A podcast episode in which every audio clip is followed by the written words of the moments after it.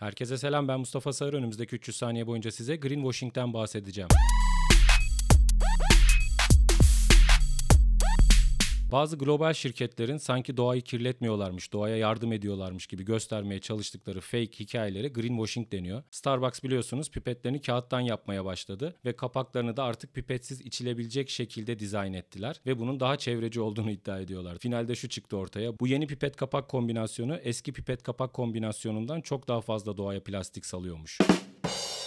Üzerine biz de kahvelerimizi kağıdın içinden içmek zorunda kalıyoruz. Yani hem doğaya zarar veriyor hem bize zarar veriyor ama tabii seni kerizliyor. Sen doğaya zarar vermeyen bir global ürün kullandığını düşünüyorsun. Bu şirket olarak global washing. Biz bir de bireysel olarak da global washing yapıyoruz bence. Mesela Tuğba evi çamaşır suyuyla değil de sirkeyle temizliyor. Çünkü çamaşır suyunun doğaya zarar verdiğini, sirkenin doğaya zarar vermediğini, bize de zarar vermediğini iddia ediyor. Duygusu şöyle kocaman bir gavurdağ salatanın içinde yaşıyormuşsun gibi 24 saat. Her yer devamlı sirke kokuyor. Bazen işkembe çorbası gibi kokuyor. Ama doğaya zarar vermiyoruz alıyoruz. Tabii biz o sirkeleri plastik şişeler içinde alıyoruz ve evi temizlemeye en az 10 tane şişe gidiyor. 10 plastik şişe ne oluyor onu kimse konuşmuyor ama sonuçta biz evi sirkeyle temizlemiş oluyoruz. Çikolata yiyeceğine onun yerine salatalık yesene ikisinde de şeker var. Çikolatanın alternatifi gerçekten salata mı? Çikolatanın alternatifi kokain falan yani, yani aynı kafayı vermesi için. Yani sen mesela 10 ton salatalık yesen obez olamazsın ama çikolata yersen obez olursun. O yüzden çikolata çok daha güzel, çok daha lezzetli. Niye? Çünkü zararlı yani. Zaten biz onu o yüzden istiyoruz. Ben Doritos'u, Ruffles'ı, Pringles'ı karıştırarak yiyen bir insanım. Ben niye yemekten bir saat sonra meyve yemeyi bekleyeyim ki yani? Ben tüketiciyim ya. Sen bana ya insanlık öğretmeye çalışıyor. Ben anlıyorum. Bizim de bu insanlığı öğrenmemiz gerekiyor ama bütün dünyanın birlikte öğrenmesi gerekiyor. Sen tek başına öğrendiğin zaman bir anlamı yok ki. Veganlar bu konuda çok iyi bir yerdeler bence. Uzun zamandır bunun mücadelesini veriyorlar ama bu mücadelenin sonu da geldi bir şekilde bize dokundu mesela. Yapay et yapılıyor laboratuvarlarda şu anda ve çok iyi gidiyor. Finalde bunu yapacaklar ve yapay et üretilmiş olacak. Marketlerde olacak. Daha ucuz olacak. Ama büyük ihtimalle biraz daha az lezzetli olacak. Normal et kadar lezzetli olmayacak ve biz onu eşek gibi tüketmek zorunda kalacağız. Niye? Çünkü normal et tüketiyorsan artık şerefsiz olacaksın. Yani siz neden bizi bu duruma soktunuz ki? Bizim buna ihtiyacımız yoktu ki. Biz zaten gariban insanlarız yani. Bir de üstüne ahlaksız olacağız. O yüzden mecbur o eti tüketmeye başlayacağız. Ben buradan yapay et üretenlere şöyle bir alternatif sunmak istiyorum.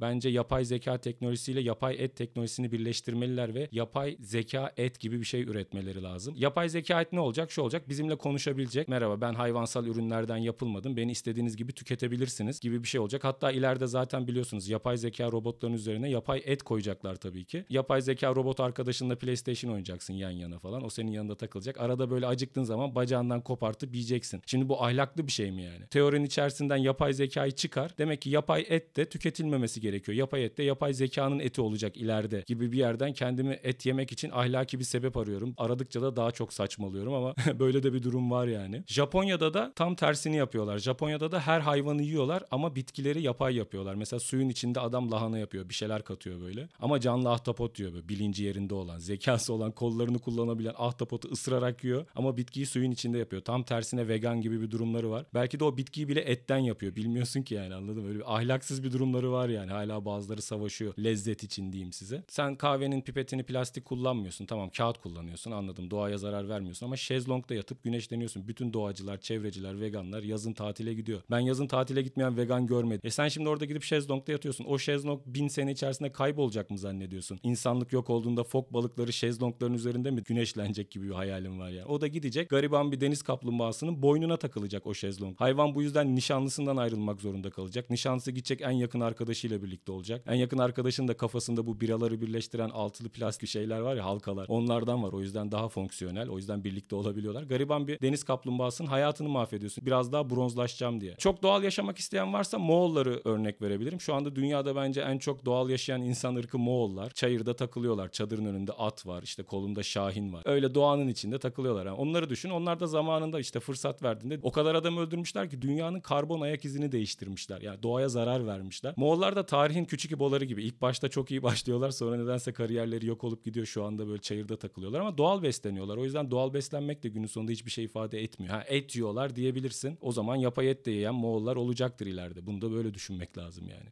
Ya şunu demek istiyorum yani sen eğer televizyon karşısında mısır patlatıp film seyretmek istiyorsan bunun da bir bedeli olacaktır. Bu yüzden birkaç penguen yetim kalacaktır. Hem bu kadar rahat evinde koli bekleyip hem de ben çok sağlıklı ve doğaya zarar vermiyorum. O işi geç kanka. Millet galon galon petrol döküyor denize. Sen işte plastik pipetle içmiyorum. Allah'ım bugün gene günü kurtardım. Yani o işleri geçelim. O yüzden buradan evini sirkeyle temizleyen herkese Allah sabır diliyorum ve lütfen artık bu gelenekten bir an önce uzaklaşın. Bir sonraki bölümde görüşmek üzere. Kalın sağlıcakla.